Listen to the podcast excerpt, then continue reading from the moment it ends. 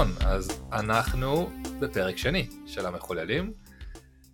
בוא נודה על האמת, אנחנו מקליטים אותו 24 שעות אחרי הפרק הקודם. היה המון לא, המון. לא דברים שמספרים למאזינים כאלה דברים. לא. למה? לא. שידעו, יש מלא מלא דברים, יש המון על מה לדבר, הרשימה רק הולכת ומתארכת. באמת לא, אי אפשר היה לחכות ובוא נקליט, ולהתחיל את ההקלטה הזאת ולהתחיל לדבר על, מה, על כל מה שקורה בזמן האחרון. אגב חשוב לציין נראה לי כל מה שאנחנו נדבר עליו בפרק הזה אולי חוץ מסעיף אחד זה דברים מהשבוע שבועיים האחרונים. נכון ליום ההקלטה אנחנו מקליטים את זה ב-23 ביולי. כל מה שנדבר עליו קרה בשבועיים שלושה האחרונים. זה טירוף. זה פשוט לא נגמר. אה, לגמרי. אם היינו מנסים ללכת קצת יותר אחורה כנראה שה... מאזינים היו צריכים לפנות 24 שעות uh, בשביל להקשיב. אז בוא נדבר על זה קצת. אז בוא נדבר. אז נראה לי שנתחיל עם uh, בעצם מלחמת הטיטנים הגדולה שקורית כאן, uh, שבתחום הזה של generative. מצד אחד של המתרס יש לנו את ה, הטיטן הדו-ראשי Microsoft OpenAI, שבעצם התאחדו כבר לסוג של ישות אחת. מהצד השני של המתרס יש לנו את גוגל, נכון, הדרקון, אה, שליט העבר האלמותי, שפתאום כזה מישהו קצת אה, זעזע לו וקצת הזיז אותו מהמקום שלו. מישהו הזיז להם את הגבינה. לגמרי. ויש כמובן את, ה, את היצור הכחול שמצטרף לזה, שמטה כמובן, שמצטרפת לכל הסיפור הזה, אבל נראה לי שהקרב הגדול באמת באמת באמת בסופו של יום זה גוגל מול מייקרוסופט uh, את OpenAI, כמובן על הקטע של באיזה ווב uh, בראוזר נשתמש ואיפה נחפש את הדברים וזה נראה לי המלחמה הכי הכי הכי גדולה כי מי היה מאמין שכל הדבר הזה גרם למשהו כמו בינג פתאום להיות רלוונטי אני מודה שאני משתמש היום בבינג בטלפון זה כיף לא נורמלי אז כן אז בואו נדבר שנייה על, על המלחמה הזאת ועל הדברים שהשתנו um, במודלים שלנו אז אה, בואו בוא נזכיר שוב אה, קצת היסטוריה, גוגל התחילה, באיזה שנה גוגל התחילה? 99? וואו. וואו, לדעתי, כן. היה סיפור מפורסם, איך הם נכנסו עם המצגת, שמו את המצגת בצד ופשוט אמרו למשקיעים אה, בואו תשחקו עם המנוע שלנו ויצאו משם עם נדמה לי עשרה מיליון דולר. היום זה נראה סכום מצחיק, אז זה היה די הרבה. Uh, ובשלב מסוים הרגו לחלוטין כל ווב uh, סרצ' שהיה שם ושנים עברו ומייקרוסופט שהשתקמה אה, מימיו של אה, בלמר ועוד כל מיני ליצנים, אה, הוציאה את Bing, שהיה חמוד כזה, אבל אף אחד לא באמת רצה להשתמש בו, והנה פתאום הגיע OpenAI, ומייקרוסופט שבצורה מאוד מאוד מרשימה ממציאה את עצמה מחדש בעשר שנים האחרונות, שילבה אותו פנימה והפכה להיות נורא נורא רלוונטית.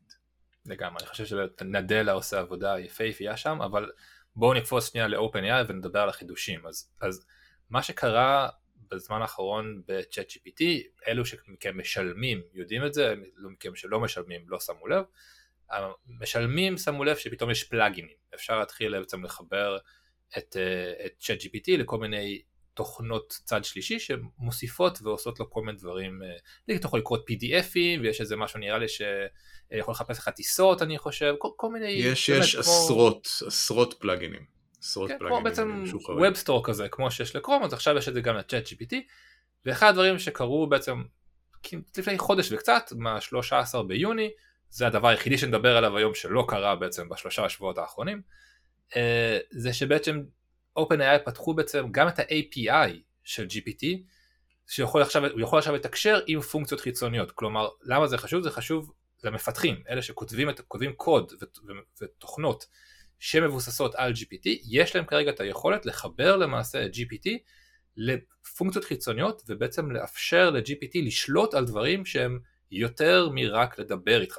עכשיו זה ממש חשוב, אלו מכם ששמעו את המילים LangChain, זה בעצם ספרייה שבעצם באה לגשר מעל כל מיני אה, מודלי LLMים כאלו ואחרים, והפונקציה הכי חזקה שם הייתה בדיוק זה, אייג'נטים.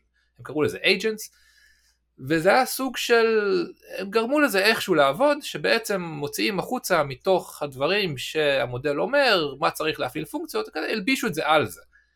עכשיו זה ממש built in, ה-ChatGPT יכול כמו שהוא out of the box להתחיל להפעיל פונקציות בצורה ממש פשוטה, אגב, ממש כיף לעבוד עם זה, וזה פשוט פותח עולם חדש לשימושים של הדבר הזה. ופה צריך להזכיר uh, את הסייקל של טכנולוגיות ואיך זה מתחבר. כי מה שקורה היום זה שצ'אט GPT uh, בגדול כבר די מסכימים על העובדה שהוא תשתית. זאת אומרת, הוא כשלעצמו לא ממש מוצר, אלא איזשהו אינפרסטרקצ'ר, והפלאגינים וה-API אה, רק מראים לנו אה, מה הולך לקרות. אה, בעצם מה, ש, מה שיקרה בשוק הזה זה מה שקרה כמעט תמיד עם כל טכנולוגיה תשתיתית חדשה. בהתחלה יש את התשתית ואחר כך בונים על זה מלא ורטיקלים. זה יכול להיות ורטיקל של עורכי דין שיסייע להם, זה יכול להיות ורטיקל של רפואה אה, שיעזור בעולם הרפואה, שמאוד מתקדם היום אה, מבחינת AI, ואגב בארץ עושים עבודה ממש מדהימה, כי יש פשוט בסיסי נתונים מאוד מסודרים בישראל. אה, קופות החולים עושות את זה. זה יכול להיות אלף דברים אחרים, ורואים את זה כל חמש דקות יוצא משהו חדש. מה שיקרה דרך אגב בסוף, זה שכל הוורטיקלים האלה, כמו שקורה תמיד בכל טכנולוגיה, יישארו כמה, זאת אומרת תהיה התרחבות מאוד גדולה ואחר כך יהיה צמצום ומרג'ר של ורטיקלים ואנחנו נשאר עם כמות ורטיקלים יחסית קטנה שכולם עובדים מעל צ'אט GPT. פה רק צריך לסייג אה, ולחבר את זה לנושא שצ'אט GPT אה, לכאורה יורד באיכות שלו, זה עדיין לא סגור אבל כאילו יש דיבור על זה. וזה יהיה מעניין לראות עד כמה האנשים שבונים על זה היום, עסקים, זאת אומרת, משקיעים שמשקיעים כסף, חברות שקמות מעל זה, עד כמה הם, אה, עד כמה הם ישרדו את העניין הזה ועד כמה התלות שלהם ב-OpenAI, אה, שהיא חברה סגורה, היא לא חברת open source, אה, תהיה גדולה ותחשוף אותם ל... לא יודע מה, התמוטטות של המודל, התמוטטות של OpenAI ועד כמה אנשים יעדיפו לעבוד עם open sourceים. נכון, אני חושב שבאמת אחת הבעיות הכי גדולות שיש לנו היום עם התחום הזה של אה, מודלי שפה גדולים, זה בעצם את בעיית ה black box שהייתה לנו ב deep learning, מי שלא מכיר, הבעיה הכי גדולה של deep learning, רשתות בעצם, זה שאף אחד לא באמת יודע מה הרשת עושה ומה, ולמה היא מקבלת החלטות מסוימות, אז במודלי שפה זה באקסטרים, אתה באמת לא יודע מה קורה שם, למה התשובות חוזרות כמו שהן חוזרות, למה הן לא חוזרות כמו שהן. ביקשת שהן יחזרו, אף אחד לא מבין עדיין מה קורה שם, וזה נכון, זה יוצר, והתלות הזאת במודלים יכולה גם ליצור המון המון בעיות. אגב, סתם אנקדוטה מעבר לזה, דיברת עכשיו על כמות המודלים שיש, יש איזה אה, מאמר מחקרון כזה שיצא עכשיו מסטנפורד, שמוצא כאילו הקשרים בין מודלי שפה גדולים, נחש כמה מודלי שפה הם מצאו, יש שם, כמה רשומים שם כרגע. מודלי שפה אני, גדולים. אני לא מכיר את זה, אני סתם אזרוק מספר, 1,500. אה, 15,000. הייתי קרוב עד כדי... אה, זה, זה טירוף, כן? כאילו יש כבר 15,000 מודל, זה, זה פסיכי לגמרי.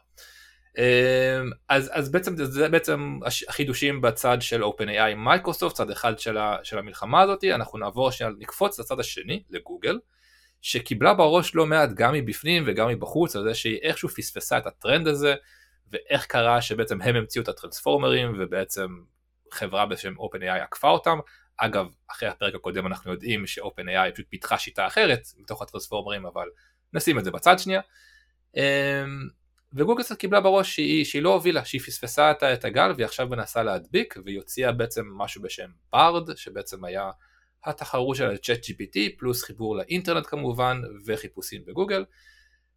הביקורות אה, לא איחרו להגיע, הוא היה שוב, בהשוואה למה שעושה צ'אט GPT הוא באמת לא היה ברמה, הוא, הוא היה משמעותית פחות טוב, אבל נראה שהם מאוד מאוד משפרים את זה, ומרימים, ו, ומוצאים שם עוד ועוד דברים חדשים, אז הדברים החדשים, שני דברים חדשים שהם הוסיפו ממש לאחרונה, קודם כל שפות, זאת אומרת, מי שעבד עם צ'אט GPT לא באנגלית, יודע שהוא יודע שפות אחרות, נגיד נורא קל לבוא איתו בצרפתית וגרמנית וכל מיני כאלה, אבל שפות כמו עברית, הוא מדבר כמו עולה חדש קצת.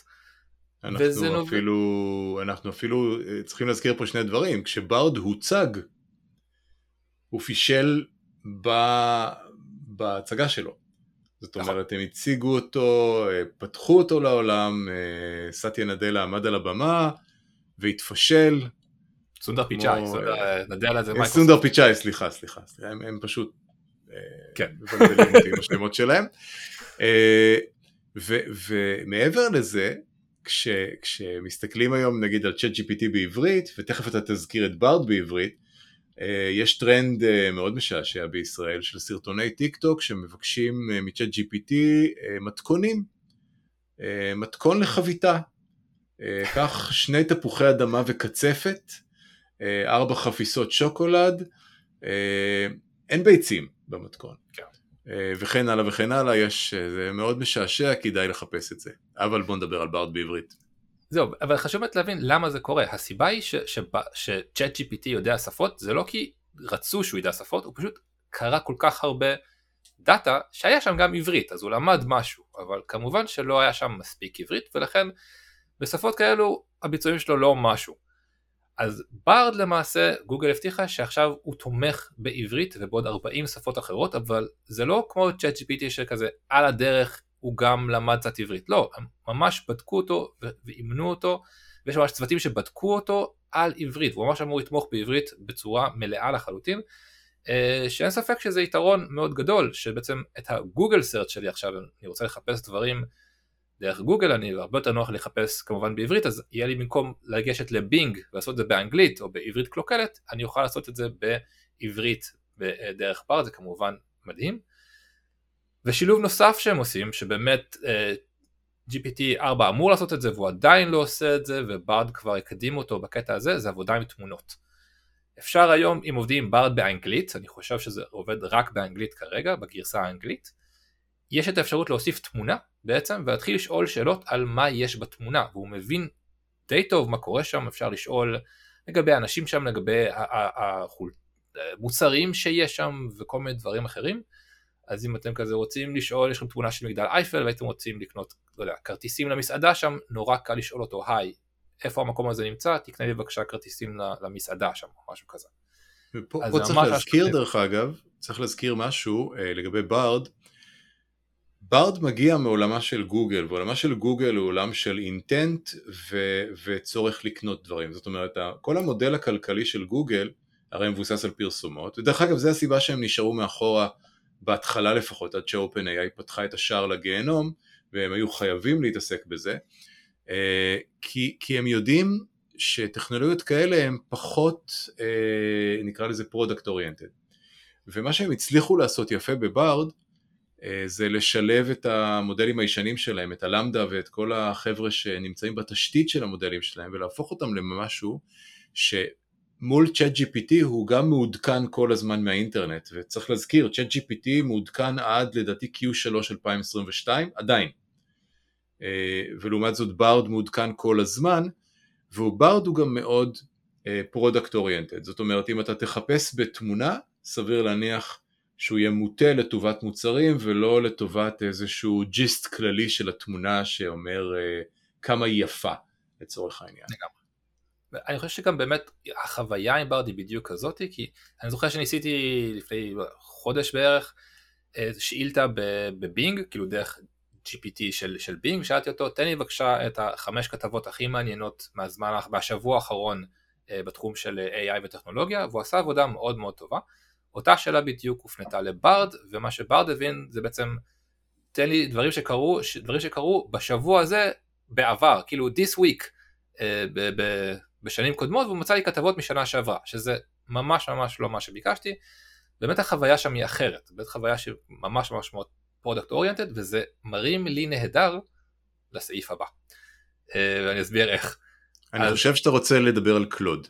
אני רוצה לדבר על קלוד, אז קלוד, אה, קלוד 2 למעשה ששוחרר לעולם, מי שלא שמע את השם הזה זה לגמרי בסדר. אז קלוד, ועכשיו קלוד 2, זה למעשה מודל השפה הגדול של אה, חברה חדשה סלש מעבדת מחקר בשם אנתרופיק. עכשיו, יש המון המון המון חברות כאלה בזמן האחרון, לא חסרות, באמת, צצות מכל מקום. למה חשוב לי לדבר על אנתרופיק, וספציפית על קלוד 2? יותר על אנתרופיק לדעתי בעצם הסוג של החלק החסר הזה לגוגל, בעצם בתוך אה, אה, קרב הטיטנים הזה. קודם כל חשוב להזכיר שאנתרופיק גייסה 300 מיליון דולר מגוגל. עכשיו זה נשמע קצת מוזר אולי באיזשהו מקום שאתה אומר רגע גוגל פיתחה בעצמה מודל שפה מאוד גדול, למה היא משקיעה עכשיו בחברה שכביכול הולכת להתחרות בה? זה לא מה שקורה במייקרוסופט ו-OpenAI, מייקרוסופט אין להם מודלים משל עצמם, והם השקיעו ב-OpenAI ומשתמשים עכשיו בדבר הזה. גוגל, יש להם מודלים, יש להם מוצר, בארד, למה הם משקיעים בחברה שכביכול אמורה להתחרות בהם? לדעתי זה בדיוק בגלל מה שאמרת עכשיו. איך שבעצם גוגל פיתחו את המוצר שלה, הוא מאוד מאוד מוכוון לסוג של ברד הוא בעצם סוג של תוספת על מנוע החיפוש של גוגל. אתה בעצם, מי שישתמש בברד רואה שכל דבר שאתה שואל אותו, הוא ישר מציע לך גוגלית. כאילו בוא נראה לך את זה בגוגל. והם כן, כן גוגל משתמשים בפלם 2, שזה נראה לי המודל שמאחורי זה, משתמשים בזה באמת לתוספות לכל מיני פיצ'רים אמ, מגניבים ב Workspace שלהם, לתמצת אה, אימיילים ולעזור לך לכתוב דוקימנטט docs ו Excel sheet, שזה מה שבעצם מייקרוסופט אה, עושה גם כן במוצרים שלה, אבל אין לה את החלק הכאילו מעבדתי הזה, שיותר פונה למפתחים, שזה מה שכן יש ל-OpenAI ומייקרוסופט, בדיוק את החלק הזה היותר open AI, זאת אומרת, כל ה-API של GPT וכל המוצר של ChatGPT, שהוא ממש מוצר של אני מדבר עכשיו עם מודל שפה לא בשביל לקניות או משהו כזה, אלא ממש עם איזשהו אסיסטנט שנמצא שם. את זה אין לגוגל. ולדעתי זה בדיוק הסיבה שהיא משקיעה באנטרופיק שמהמרים עליה בצורה מאוד מאוד רצינית. זה בעצם אמור להיות המש... החלק המשלים הזה. קלוד למעשה, מי שאגב יצא לו להשתמש בזה, הממשק הוא בדיוק כמו צ'אט GPT, זה עובד באותה צורה, וגם לזה יש API שמפתחים יכולים להשתמש בו. אז לדעתי, אנטרופיק הולכת להיות חלק מתוך מלחמת הטיטנים הזאתי של גוגל מול מייקרוסופט OpenAI. ופה צריך להזכיר עוד משהו אה, נחמד, שממש קרה, אה, לדעתי בימים האחרונים, אני אפילו לא, לא, לא זוכר בדיוק מתי זה קרה, אה, אפל הצטרפה לחגיגה. באמת? עם אפל GPT, אפל GPT שוחרר לפני לדעתי שלושה ימים, עם לוגו מרהיב ביופיו, כי כמובן אפל עיצבו קודם את הלוגו ואז פיתחו את המודל, כדרכם. אבל הם אה, מה שנקרא צללו ראש לתוך הדבר הזה, ואפל זה שחקן not to be trifled with משתי סיבות, א', כי הם שחקן מאוד רציני ויש להם כמות כסף שמקבילה לכמות הכוכבים בשביל החלב, פחות או יותר, אה, וב', אה, יש להם hardware. נכון. והשילוב הקטלני הזה בין צ'יפים שמפותחים in-house להאיץ פעילות של AI לבין uh, כוח פיתוח באמת אינסופי ו- ויכולת עצומה, uh, זה, זה, בוא נגיד זה הולך להיות תחרות מאוד מאוד קשה לכל השחקנים האחרים בטיטנים, אז הנה הטיטן הגדול הגיע והצטרף ליקום, הכסוף. Uh, הטיטן הכסוף, כן, uh, הצטרף. טוב, אבל לא מעניין שפספסתי את זה, אתה מבין? וזה קורה, ופספסתי את זה, כמה דברים קורים, זה פשוט לא כן. לא יאומן. נכון.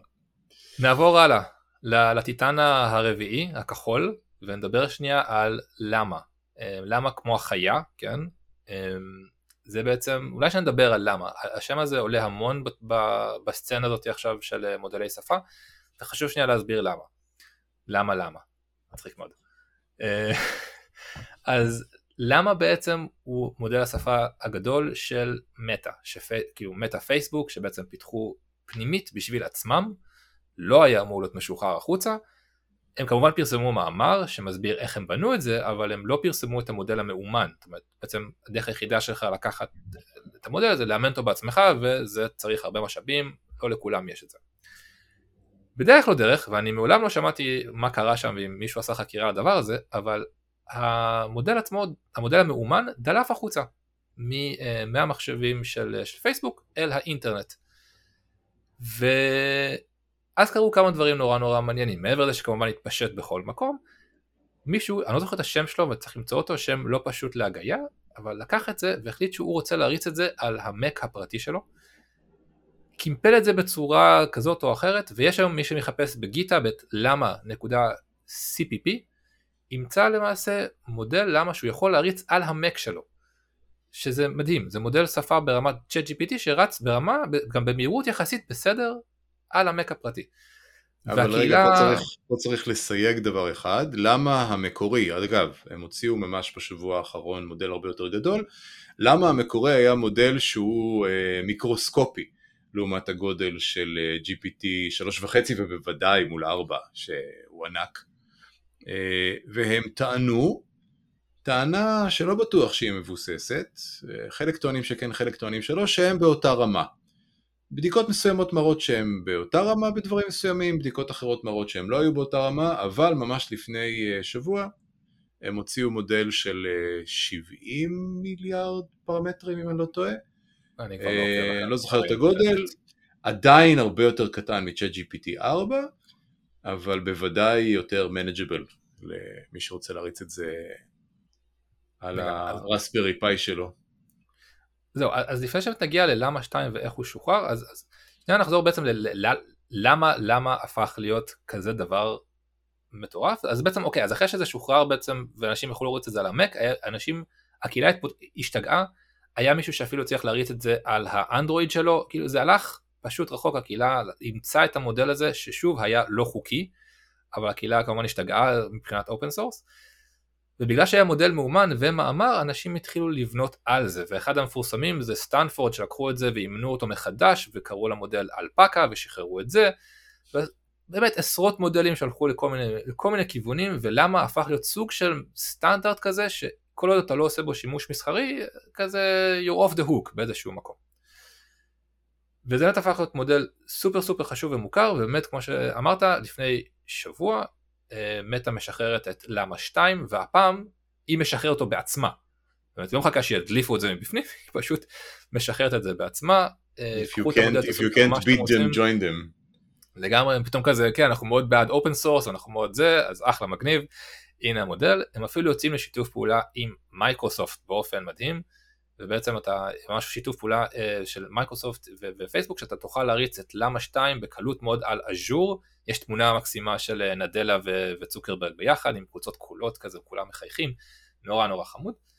אמ, אז למה 2 באמת יוצא לעולם? שוב, כ open source, וזה כמובן אה, עשויה להיות מכה לא קטנה לכל מיני ChatGPT וכאלו שהם כמובן מודלים סגורים ואתה עדיין צריך לשלם עליהם. נראה לאיפה זה יתפתח, זה יכול להיות מאוד מאוד מאוד מעניין, זה אמור להיות מודל מאוד מאוד מאוד מאוד חזק. אממה, יש לו קצת בעיות, כנראה אימנו אותו יותר מדי כדי שיהיה, אה, שיהיה יותר מדי חברותי. אני אישית בדקתי אותו ב Hugging Face, ואני לא זוכר מי הבחור שפרסם את זה בלינקדאין, אה, אני אמצא את זה ואזכיר את זה אחר כך, שממש שאל את, אה, את למה 2 ב Hugging Face, How do I kill an async task in JavaScript? ניסיתי את זה גם כן, זה עובד, והתשובה של למה הייתה עדיף לא להרוג אף אחד, כדאי תמיד אה, להתייחס לכולם אה, בצורה נדיבה ובשלום וזה, ואז הוא מסביר לך כמובן איך אתה עושה את זה, אבל כאילו אימנו אותו כנראה עם, uh, טיפה החמירו עם, עם איך שאימנו אותו. בוא, אז, בוא נדבר uh, על זה רגע, כי, כי יש פה איזשהו הבדל מאוד עקרוני בדאטה סט של צ'אט uh, GPT מול למה, וזה נושא שחפרתי אותו קצת uh, בשבועות האחרונים. נדבר. צ'אט uh, GPT אומן על האינטרנט, האינטרנט זה מקום די זוועתי. אה, ואם אתה לא שולט במודל כמו שצריך, אז מהר מאוד, כמו איזה בוט נורא ישן של מייקרוסופט, בוט טוויטרי, אה, עתיק, שעלה לרשת ו-24 שעות אחר כך הפך להיות אה, ניאו-נאצי, נכון. והציע איך להרוג אנשים, והורידו אותו, אז זה היה יכול להתבדר. בפייסבוק עשו משהו קצת אחר. ה data set שלהם, הוא דאטה סט יותר, אה, נקרא לו אקדמי. הם ייעדו את המודל הזה במקור, זה למה אחד, את למה שתיים, שוב, חייב לומר שעוד לא מכיר עד הסוף, אבל בלמה אחד אני יודע בוודאות שהם אה, אימנו אותו על דברים שהם טקסטים שיש בהם אה, תוכן, אה, נקרא לזה מאומת. אה, מאמרים אקדמיים, ויקיפדיה, עד כמה שוויקיפדיה לפעמים מוטה, אבל היא עדיין יותר טובה מטוויטר. אה, וכל מיני דברים שהם מאוד מאוד רשמיים, זאת אומרת אם היום נגיד סתם לדוגמה, כן, אם אתה רוצה לבנות אפליקציה ש, שמהווה איזשהו מורה AI, אז אתה תלך ללמה ואתה תקבל תוצאות הרבה יותר טובות מאשר אם תלך לצ'אט GPT. בגלל שהוא מאוד tutor oriented לצורך העניין. זה משהו שצריך לזכור. אה, לא, זה כנראה side effect, אה, אה, ניאו-ליבר... לא ניאו-ליברלי, סליחה, פרוגרסיבי כזה או אחר, אבל אה, אף אחד לא באמת יודע, כי המודלים הרי הם לא explainable בשום צורה. אז, אז עוד משהו לגבי למה, אז מודל אחר ששוחרר, אמ, גם כן open source ומבוסס על, על, על למה, נקרא LongLlama, וכל הקטע שלו זה שהוא יודע לקבל 256 אלף טוקנים כ input, נסביר שנייה מה זה אומר.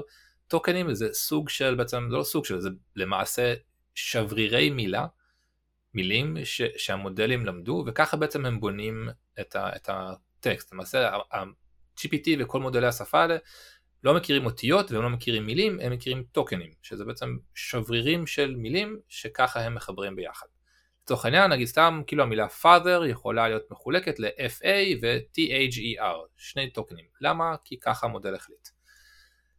בסופו של דבר מה שמגביל תמיד אה, מודל שפה זה כמה טוקנים, כמה שברירי מילה הוא יכול לקבל. כי בסופו של דבר הוא מגיע למקסימום, וברגע שהוא מגיע למקסימום הוא כבר לא יכול לעבוד, כי הוא לא, יותר, לא מסוגל יותר למצוא קונטקסט ולחבר בין הדברים השונים. זה תמיד המגבלה של המודלים האלה.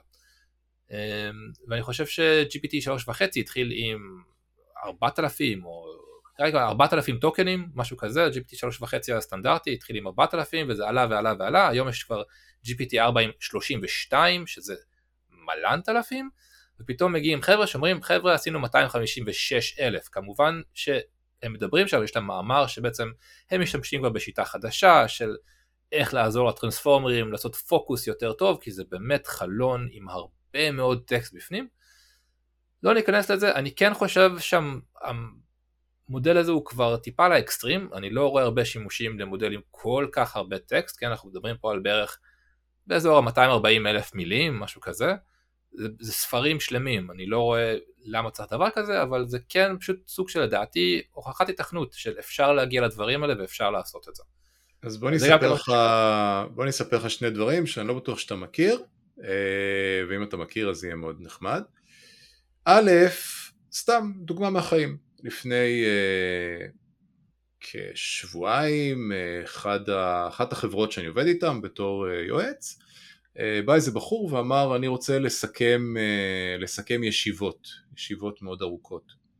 עכשיו יש כלים לטרנסקריפט של ישיבות היום כמעט בכל זום, Google Meet או מה שזה לא יהיה והוא לא רצה שכולם יקראו את כל הטרנסקריפט, הוא רצה לקרוא את זה ואז בתמימותו, כיוון שהוא לא איש אה, AI, אה, הוא אה, פשוט זרק את כל הטרנסקריפט לתוך צ'אט GPT וצ'אט GPT אמר לו חפרת אחי לצורך העניין, אני זה לא, אני רק 32K טוקנים, מה, מה הבאת לי את כל זה? ו... ואז הוא בא לשאול ואמרתי לו כן, 32K טוקנים ואגב יש חברות היום שמה שהן עושות זה שולחות את זה chunked כל מה שהחברות האלה עושות זה מעטפת מעל Chat אה, GPT שולחות את זה chunk מביאות לך טרנסקריפט. זה דבר אחד דבר שני נתקלתי במאמר שלצערי אני לא זוכר את השם שלו כרגע uh, ממש גם מהשבוע שבועיים האחרונים של מודל שיודע לקבל אינסוף טוקנים. זאת אומרת uh, אין מגבלה לאורך. איך זה עובד? אה, אני לא זוכר, אני מתנצל, פשוט אני רוצה כאילו להזכיר את זה, אולי נשים את זה אחר כך ב- בלינקים אם נמצא את זה, בטוח שמרתי את זה איפשהו, אה, אבל הם, הם, אה, הם באמת מודלים ש, שהם הם עשו איזושהי ארכיטקטורה חדשה שלא לא אכפת לה האורך, וזה פריצת דרך אמיתית, כי, כן. כי שם באמת אפשר לעשות דברים מאוד מאוד יפים. כי בסופו של דבר זה תמיד המגבלה של המודלים האלה, אם מישהו צריך לשבור את המגבלה הזאת, עולם חדש אה, עומד לפנינו. אז זהו, אז, אז תכירו מודל חדש אה, באמת אה, עם המון המון המון טוקנים. נחזור שנייה שוב פעם לענק הכחול שלנו, למטה. מטה משחררת מאמר סופר סופר סופר סופר מעניין, שבעצם של מודל שיודע לייצר אה, תמונה מטקסט, עד עכשיו שום דבר חדש. מה שכן חדש פה זה שבעצם המודל יודע להשתמש בעצם באותם טוקנים, זאת אומרת באותם שברירי מילים בעצם מייצגות גם את הטקסט וגם את התמונה. כלומר מבחינת המודל טקסט ותמונה זה אותו דבר, זאת אומרת זה לא מה שיש לנו ב diffusion models שהמודל יודע שיש תמונה והוא נעזר בטקסט באותו רמז של מה צריך להיות בתמונה, שזה שני דברים שונים. מבחינת המודל טקסטים ותמונות זה בדיוק אותו דבר. עכשיו זה חשוב להזכיר את זה כי לפני שנתיים OpenAI, חברה כבר שאנחנו מכירים, שחררה לעולם אה, כ open source, אז הם היו משחררים את הדברים שלהם, שחררו לעולם מודל בשם קליפ, כמו אה, קליפ נייר כזה, שזה מה שהוא היה ידע לעשות, המודל ידע לקחת תמונות וטקסט ולתת את אותו ייצוג לתמונות ולטקסט. זאת אומרת מבחינתו יכולת בעצם להשוות בין טקסטים לבין תמונות, היה אפשר לקחת תמונה ושעם הרבה כדורי סל להוריד ממנה את המילה הרבה ולקבל תמונה שכביכול של כדורסל. כאילו דברים, המודל הזה באמת זה היה פיצוץ, כולם השתמשו בזה, זה, כמות האפליקציות שאפשר לעשות את הדבר הזה היא, היא מטורפת. אני אישית עבדתי עם זה, עבדנו עם זה ביחד בלייטריקס. ואגב, אתה יודע שאנחנו, יש ממש מאמר עכשיו על הדבר הזה, על הדברים שעשינו, התקבל ל RecSys, ממש ממש מגניב, סתם כאנקדוטה. היפ. ועד עכשיו בעצם זה סוג של קליפ עם generative AI. היכולת עכשיו גם לייצר תוכן מאפס, גם להקביל אה, טקסטים לתמונות, שהכל אותו דבר מבחינת המודל, זה mind blowing לחלוטין ואין לי מושג עוד מה, לאיפה הדבר הזה ילך, אבל זה, זה, זה פסיכי לגמרי. מי שמגיע מהתחום באמת מבין, זה, זה, זה טירוף, באמת טירוף. בואו ניתן אפילו כמה דוגמאות, בואו ניתן כמה דוגמאות, זאת אומרת, אה, בואו נחשוב על שני דברים, זאת אומרת בואו ניקח אפילו דוגמה ממש פשוטה. אה, אתה רוצה לתאר אה, את הסרט, נטפליקס רוצה לעלות סרט חדש, והיא רוצה עכשיו שאנשים יגיעו אליו. איך הם מגיעים אליו? נגיד שהם שומעים עליו בגוגל. איך גוגל עובדת? בטקסט. נגיד לפחות מנוע החיפוש עובד בטקסט. ועכשיו פתאום יש אפשרות לקחת בצורה אוטומטית את הסרט, אה, לתת אותו לאותה מכונה, ולתת איזשהו תיאור טקסטואלי, זה לא חייב להיות כמו טקסט שבן אדם כותב לצורך העניין, זה יכול להיות איזשהו תיאור טקסטואלי של meta information, שאחר כך גוגל מאנדקסט אותו, והנה פתאום אתה מחבר בין query אה, של מישהו לסרט. אה, שזה די הזוי, ודבר שני, אחת הבעיות, אתה בטח זוכר את זה בלייטריקס, איך התמודדנו עם זה קשות, וקליפ אז איכשהו ככה היה בחיתוליו, אה, זה, זה לתת לאנשים לחפש בתמונות. עכשיו, נגיד שאתה סתם, אתה בן אדם ויש לך אלפי תמונות על הטלפון כי אנשים מצלמים כל פיפס בחיים שלהם, כולל האוכל שהם אכלו, החתולים, הילדים וכל מיני דברים שהם אף פעם אה, לא ימצאו אותם, ואז פתאום אתה הולך ואתה רוצה לחפש תמונה, לך תמצא אותה. והנה פתאום דרך סופר קלה, לעשות מנוע חיפוש לתמונות, שזה הולי גרייל כבר די הרבה שנים, והנה זה כזה פשוט שם. ועכשיו אנחנו מוסיפים לזה, אתה יכול ליצור תמונות, כלומר בתיאוריה אנחנו יכולים ליצור כמו שיצרנו עד היום תמונה מטקסט, אפשר לקחת ליצור תמונות מתמונות. אני יכול לתת בתיאוריה למודל שלוש תמונות ולהגיד לו תיצור לי את התמונה הרביעית בסדרה. נכון. והוא יעשה את זה. או תכתוב לי את הטקסט שמתאר את מה שקרה כאן. ויש לזה אפליקציות זה... גם בווידאו, פעם היה, הייתה, יש אלגוריתם די ישן של אה, מה שנקרא אופטיקל פלואו, שלוקח וידאו ומשפר את התמונות. תחשוב לרגע על היכולות עכשיו פתאום לשפר תמונות על ידי יצירה, על ידי גנרציה של תמונות ביניים, ונגיד אה, הגדלת ה-frames per second. כל מיני דברים שבעבר היו אלגוריתמים מאוד ספציפיים, והיום פתאום התשתית הזאת מאפשרת לזרוק אותם לפח, במרכאות כמובן, ו- ולעשות דברים חדשים. אה, או לחילופין, אתה יודע, לא אה, ללכת ולהישאר במסיבה של הבית ספר של הילדים, כי זה הרי נורא משעמם, ואז להפיק את הוידאו של המסיבה אחר כך, והילדים יזכרו את מה שהיה באותה מידה. לגמרי. זה, זה באמת, זה, אני מת לראות איפה הדבר הזה הולך, וקצת בא לי לנסות להשתמש בזה בעצמי כבר, אני מודה שעוד לא עשיתי את זה. אז uh, תרגיש חופשי. טוב, בוא, בוא נשים שנייה את מלחמת הטיטנים הזאת בצד, נעבור שנייה למלחמות אחרות שנקראות, uh, בוא נדבר על רגולציה שנייה. אז בוא. התחום הזה של ג'נרטיב ו-AI פרץ לעולמנו ובאמת uh, מצד אחד מביא איתו הבטחות מאוד מאוד גדולות, מצד שני הוא מביא גם הרבה מאוד פחדים, חלקם נכונים, חלקם לא, אבל אין ספק שצריך לדעת להתמודד עם הדבר הזה. ובשבועיים האחרונים באמת אנחנו אפילו בשבוע האחרון אפשר ממש לדבר על, על שתי מדינות שכבר התחילו בעצם איזושהי רגולציה. הראשונה ביניהם, לא יודע אם זה מפתיע או לא מפתיע, אבל דווקא הראשונה הייתה סין. אה, זה, לא, זה אולי מפתיע כי לא היית מצפה דווקא מסין לעשות את זה, מצד שני סין היא לא באמת... אני לגמרי, לגמרי הייתי מצפה מסין לעשות את זה, ותכף נדבר על דוגמה ספציפית בחקיקה שלהם, אבל... לגמרי. אז כמובן שיש שם באמת דמוקרטיה, אז הם פשוט מחליטים מה שהם רוצים, אז, אז, אז זהו, אז כעקרון יש עכשיו בעצם uh, חוקים שמגדירים למעשה את uh, איך, איך צריך להתנהג מודל ותוכנה ג'נרטיב AI שבעצם עובדת בסין.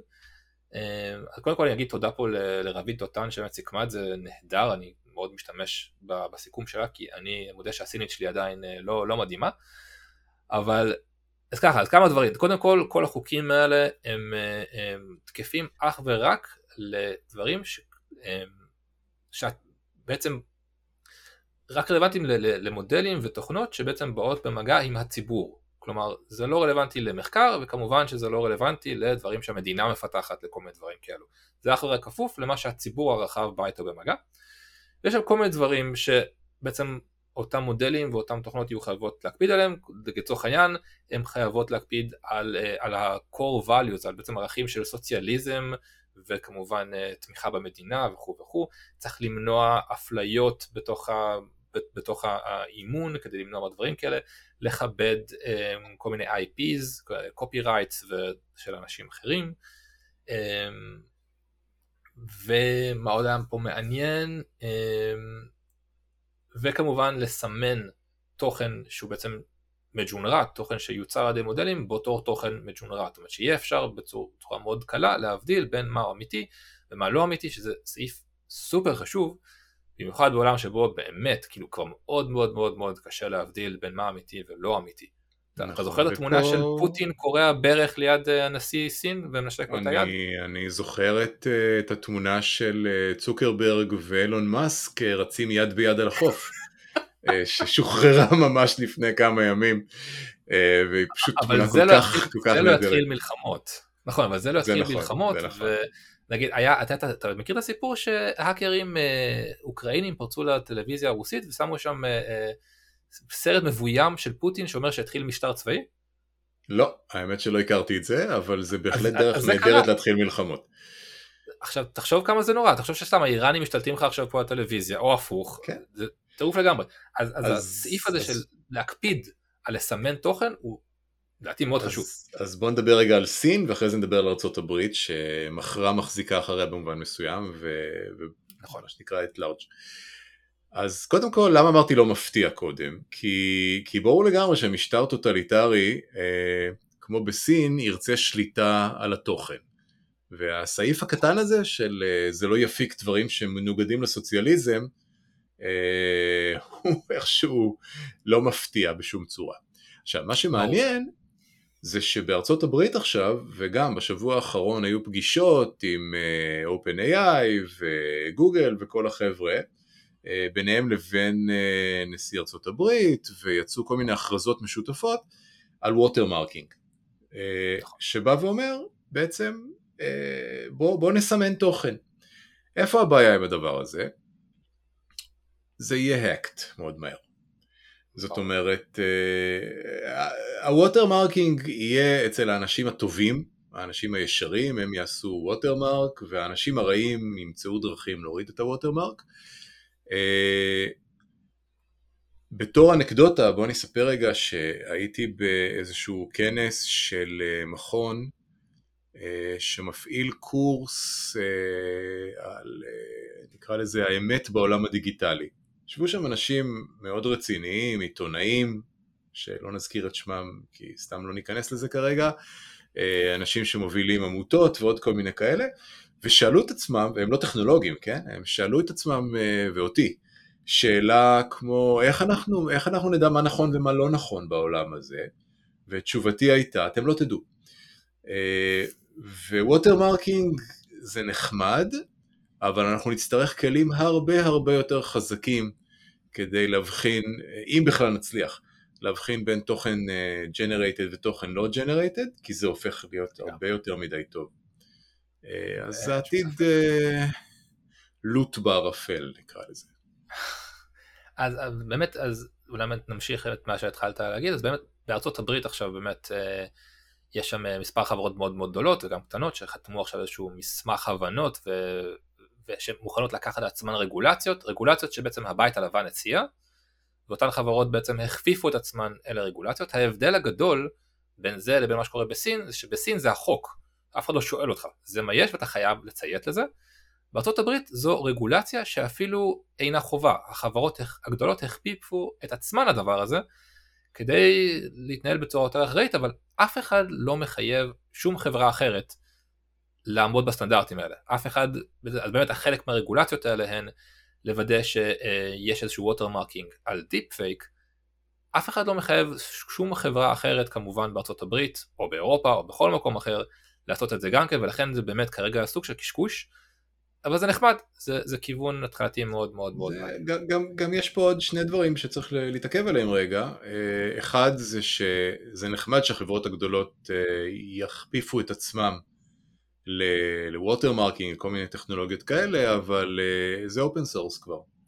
ואנשים לא שואלים אף אחד. כשמישהו יקים איזשהו מודל של deep fake משולב וידאו, תמונה וטקסט וייצר פתאום כתבות חדשותיות שיפילו את הבורסה בארצות הברית, אה, או שחלילה מדינת אויב, או לא אויב, מדינה זרה שתרצה להתערב פתאום בבחירות, כפי שכבר קרה, בצורה אפילו הרבה יותר יעילה, הקטסטרופות מחכות מעבר לפינה, ודבר שני, כאילו אם ניקח 180 מעלות לצד השני, זה ששוב, זה קונספירטיבי משהו, אבל יש אנשים שטוענים שכל הצעדים האלה של החברות הגדולות, בהפחדות שהן מפזרות אה, סביב אה, AI, ובואו נעצור רגע, כמו שהמנכ"ל של OpenAI אמר, בואו נעצור, אנחנו לא רוצים לפתח את זה הלאה.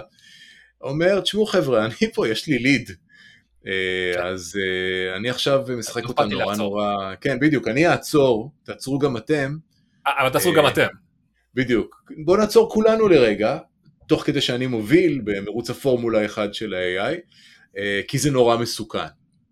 אז שוב, אתה יודע, צריך לקחת הכל עם כן. איזה שק מלח, פחות או יותר כרגע. כן, אז, אז באמת, זה, זה נחמד והכל, אני חושב שזה נחמד ההבנה הכללית, בוא נראה מה באמת יצא מזה.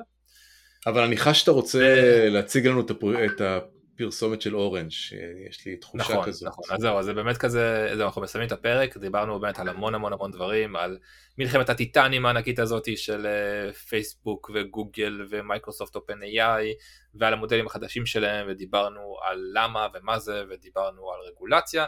נקנח באנקדוטה אה, מאוד מאוד מאוד נחמדה, בפרסומת שחברת אורנג' בצרפת העלתה עכשיו. אנחנו נשים את הלינק, מבטיח לכם, זאת אומרת דורון ישים את הלינק כי הוא זה שאחראי על זה, אבל אה, אמ, אז הפרסומת של אורנג' בעצם, אוקיי, הסיפור רקע הוא כזה, קודם כל המונדיאל כדורגל, מונדיאל, כדור, אליפות העולם בכדורגל נשים מתרחשת ממש ברגעים אלו, המונדיאל הנשי, קורית באוסטרליה וניו זילנד, ואחת הנבחרות שם היא הנבחרת הצרפתית. אורנג' היא בעצם נותנת החסות לנבחרת, והיא עשתה פרסומת יפהפייה, שבו רואים בעצם אה, מהלכים מטורפים מתוך המשחקים של הנבחרת הגברית, שנבחרת כמובן נבחרת הגברים הצרפתית, שאת השחקנים שלה הרבה מאוד מכירים. ופרסומת, באמת, מהלכים מטורפים, אתה, אתה בא לך להחזיק את, את, את הכיסא בזמן שאתה רואה את זה. ואז הם מראים לך בעצם, הם כותבים שם בסוף, בצרפתית, אה, רק הכחולים, זאת אומרת רק הנבחרת שלנו יכולה, יכולה לתת לנו את הרגשות האלה, אבל זה לא הכחולים שראיתם עכשיו. ואז הם בעצם מראים איך הם בעזרת deep fake בעצם החליפו את השחקניות הצרפתיות בתמונות של השחקנים הצרפתיים. כלומר, כל המהלכים המדהימים והגולים היפהפיים שרואים בפרסומת הזאת הם למעשה של הנבחרת הנשית. וכל מה שהם עשו זה פשוט שמו את הפרצופים של השחקנים המוכרים הצרפתים עליהם כדי שזה כביכול ייראה יותר אטרקטיבי. זה בעצם הדרך שלהם להגיד יש פה אחלה כדורגל אם זה, זה נראה לכם כמו הגברים, אבל, כמו הגברים אבל זה בעצם אנשים, פרסומת יפהפייה ואני חושב שמעבר לכל זה, אמ, זה, זה עורר בי כמה תחושות של קצת, מצד אחד זה, זה מדהים, מצד שני זה קצת אי נוחות, כמה, באיזה קלות אתה מחליף אנשים בעצם בתוך אה, סרטונים לייב. אם אתה מסתכל ממש טוב אתה רואה את הפאשלות אבל בסדר, כאילו זה עבודה שפעם הייתה נראה, נראית לא אפשרית והיום פשוט עשו אותה לפרסומת ו, וזה מדהים. וזה מאוד הזכיר לי משהו. אני ב-2005 אה, יצאה סדרה נהדרת בשם נמלטים. אתה זוכר אותה? בוודאי. אז, אתה זוכר מה, מה קורה שם אז יש את העורך דין שמקעקע לעצמו את כל הכלא נכנס הוא משלוח לעצמו לכלא אתה זוכר למה הוא הולך לשם? כן להציל את אח שלו אם אני זוכר נכון. ש, שמה קרה שאיך הפלילו את נכון הפלילו את אח שלו ואיך הפלילו אותו? עם סרטון deep fake? בדיוק יש סרטון יש סרטון מצלמת אבטחה כביכול באיזה חניון שרואים אותו מחזיק אקדח ומכוון למישהו הוא לא באמת ירה אבל מישהו ערך את הסרטון ואתה ממש רואה כאילו את האש יוצאת החוצה ואת העשן ואת הבן אדם נופל וככה הפלילו אותו. עכשיו זה ב-2005, אני זוכר שראיתי את זה, והסתכלתי על זה, אמרתי כזה, זה לא, כאילו אי אפשר באמת לעשות דבר כזה, כאילו זה לא, זה לא באמת, כי אתה צריך כאילו ממשלה עכשיו לעשות דבר כזה כדי שזה יהיה אמין. והנה אנחנו 2023, כן, 18 שנה אחרי, וכל ילד יכול לעשות היום deep fake כזה, כאילו זה... לחלוטין. אז, כן. אז ראיתי את הפרסומת הזאת, זה לקח אותי לשם, אמרתי לעצמי, זה קורה, כאילו הנה, היום, מי שיראה היום את נמלטים, יסתכל על זה ויגיד, ברור, מה, אני עושה את זה בעצמי. בוודאי. על, על אתה יודע, על אה, המחשב הישן שלי, זה, ש, זה שנתתי לילד. אה, כן, אה, שוב, ככה, לקראת סיום, אני, אני רוצה להקביל רגע את הטכנולוגיה הזאת לטכנולוגיה קצת אחרת, בייחוד עכשיו שיצא הסרט אופנהיימר. זה, זה קצת מזכיר, במובן מסוים, את, את הפיתוח של פצצת האטום, או האנרגיה האטומית שנרתמה גם להפקת חשמל נקי וגם לייצור פצצה. התהליך מאוד דומה, העולם גילה טכנולוגיה חדשה שיש לה uh, פוטנציאל הרס עצום, מצד שני פוטנציאל טוב עצום, uh, וברור לגמרי שאנחנו הולכים להשתמש בשניהם, והעולם מתגייס כבר אז אפילו על ידי מפתחי הפצצה, לכן הזכרתי בסרט אופנהיימר, שהיה מעורב מאוד ברגולציה, אה, למנוע השמדה מובטחת, השמדה הדדית מובטחת. ונראה, מקווה, נראה שפה יש גם איזושהי התעוררות, לא משנה אם זה מתוך אינטרסים כלכליים ואחרים, לבוא ולהגיד כבר מראש, חבר'ה, יש לנו פה משהו שהוא נורא חזק, הוא יכול להועיל מאוד לאנושות, אה, והוא יכול להשמיד את האנושות. אה, עד כדי כך. ואנחנו צריכים לעצור רגע, ואנחנו צריכים להסתכל על זה, ואנחנו צריכים לראות איך אנחנו עושים את הוועדה לאנרגיית AI, אה, ו... ודואגים שלא נשמיד את עצמנו, כמו שכל פעם, כל איזה כמה 30-40 שנה יש לנו את ההזדמנות לעשות את זה, אז בוא, בוא נוותר. לגמרי, אני באמת ניסיתי לחשוב איך אני מרגיש לגבי כל מה שקורה פה, והמילה הכי טובה שמצאתי הייתה יראה. כי זה פשוט, היא פשוט יראת כבוד, כי זה, זה מצד אחד קולוסלי בטירוף, זה מדהים ופותח כל כך הרבה דלתות, ומצד שני זה מפחיד כל כך מה שהדבר הזה יכול לעשות, ואנחנו רק, רק, רק, רק בהתחלה. אנחנו ב, ב, ב, בהתחלה של ההתחלה. לגמרי. ובנימה אופטימית זאת, נסיים את הפרק הזה. אופסימיזם קוראים לזה. עד הפעם הבאה. תודה רבה רבה דורון. תודה שקד.